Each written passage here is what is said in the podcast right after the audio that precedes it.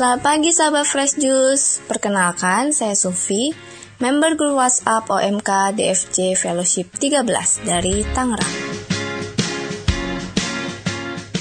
Hari ini, Senin, 20 Januari 2020, kita akan mendengarkan renungan yang akan dibawakan oleh Domi Denita Naibaho dari Pekanbaru.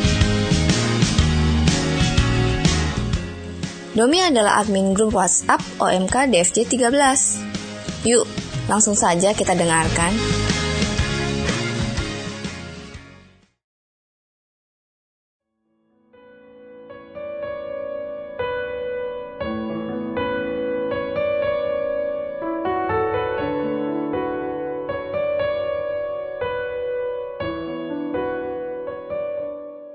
Selamat pagi sahabat Fresh Juice. Senang sekali bisa kembali menyapa sahabat Fresh Juice semua Senin di hari ke-20 tahun 2020 ini.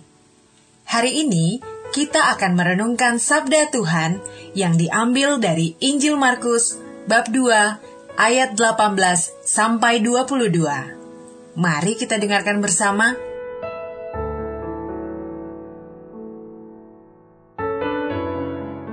Inilah Injil Yesus Kristus menurut Markus. Waktu itu, murid-murid Yohanes dan orang-orang Farisi sedang berpuasa.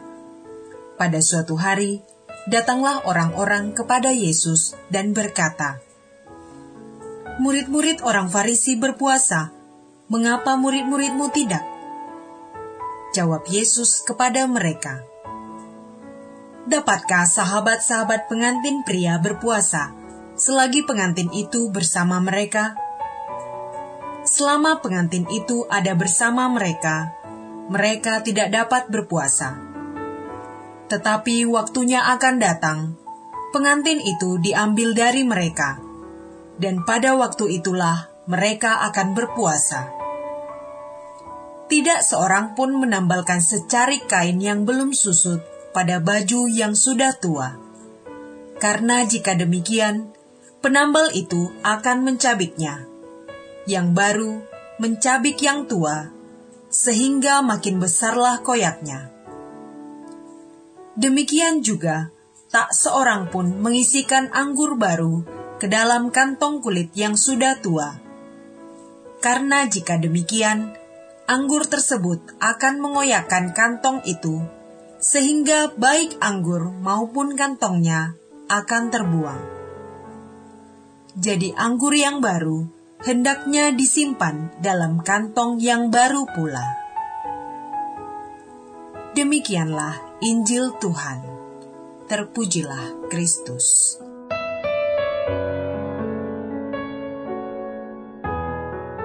Merenungkan bacaan Injil hari ini, saya menjadi ingat kisah seorang teman OMK yang membagi pengalamannya. Sampai umurnya yang sudah lebih dari 20 tahun, dia belum menerima komuni pertama, walaupun dia dibaptis sejak bayi. Beberapa hal menyebabkan dirinya belum mendapat kesempatan untuk belajar komuni pertama. Setiap minggu, ketika tiba saatnya menyambut komuni, dia hanya duduk di bangku, melihat dan mendambakan kesempatan yang sama untuk dapat menerima tubuh Kristus. Teman-temannya yang sadar dan melihat hal ini sering kali bertanya, "Kenapa nggak terima komuni?" Bahkan ada juga yang berulang-ulang menanyakan hal yang sama, sampai kadang-kadang dia merasa malu dan tidak mau duduk sebangku dengan teman-temannya saat perayaan Ekaristi.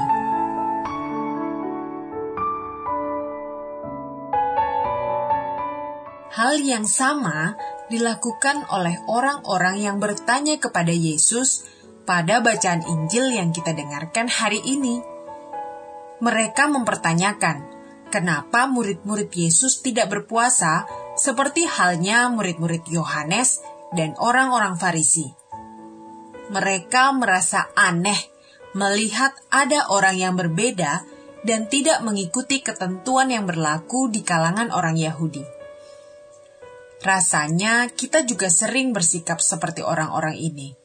Kita sering kali kepo dan terkadang malah menerka-nerka penyebabnya jika kita menemui ada sesuatu yang terjadi di sekitar kita di luar kebiasaan atau aturan yang seharusnya. Bahkan, tak jarang hal yang kita terka-terka itu kita kembangkan menjadi sebuah gosip.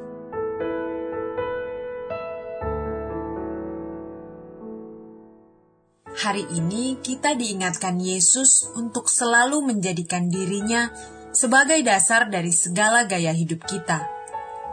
Aturan dalam berpuasa atau praktik keagamaan lainnya bukan tidak baik.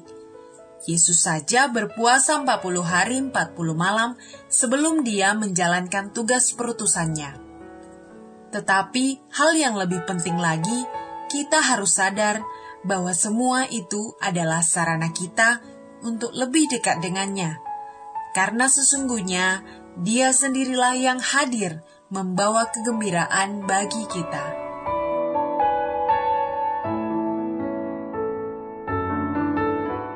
Selain dengan analogi pengantin pria, pada bacaan Injil hari ini, Yesus juga menunjukkan jati dirinya dengan perumpamaan kain baru dan anggur baru. Dengan anggur baru, kita disegarkan dari dalam, dan dengan kain baru, kita terlihat lebih baik dari luar. Keduanya memiliki relasi dalam dinamika kehidupan spiritual kita. Kita memperlihatkan di luar pekerjaan-pekerjaan baik kita yang menunjukkan karya Tuhan dengan semangat iman, harapan, dan kasih yang baru yang bersumber dari Yesus di dalam hati kita.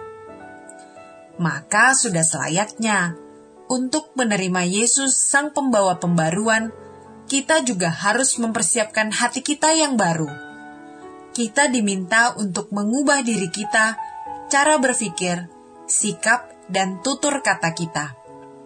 Kita miliki cara hidup dengan semangat yang baru, yang sesuai dengan hidup Yesus menurut roh.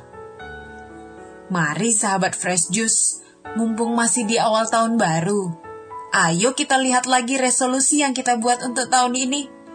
Jangan cuma nulis rumah baru, mobil baru, atau pacar baru. Semangat iman yang baru juga jangan sampai ketinggalan. Semoga kita dimampukan ya, tentunya dengan bantuan Tuhan. Selamat beraktivitas, tetap bersuka cita, Tuhan memberkati.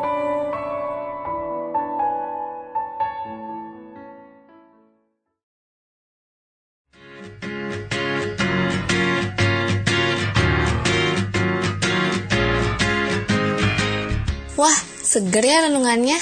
Bener banget. Kita nggak perlu kepo lagi ya Sobat Fresh Juice. Nggak perlu menerka atau membesarkan hal-hal yang kita tidak tahu dengan baik. Atau bahkan mengarang fakta versi kita sendiri. Nggak baik itu. Terima kasih Domi sudah mengingatkan kita semua. Sekian renungan hari ini. Sampai jumpa lagi di renungan edisi spesial OMK. Salam Fresh Juice.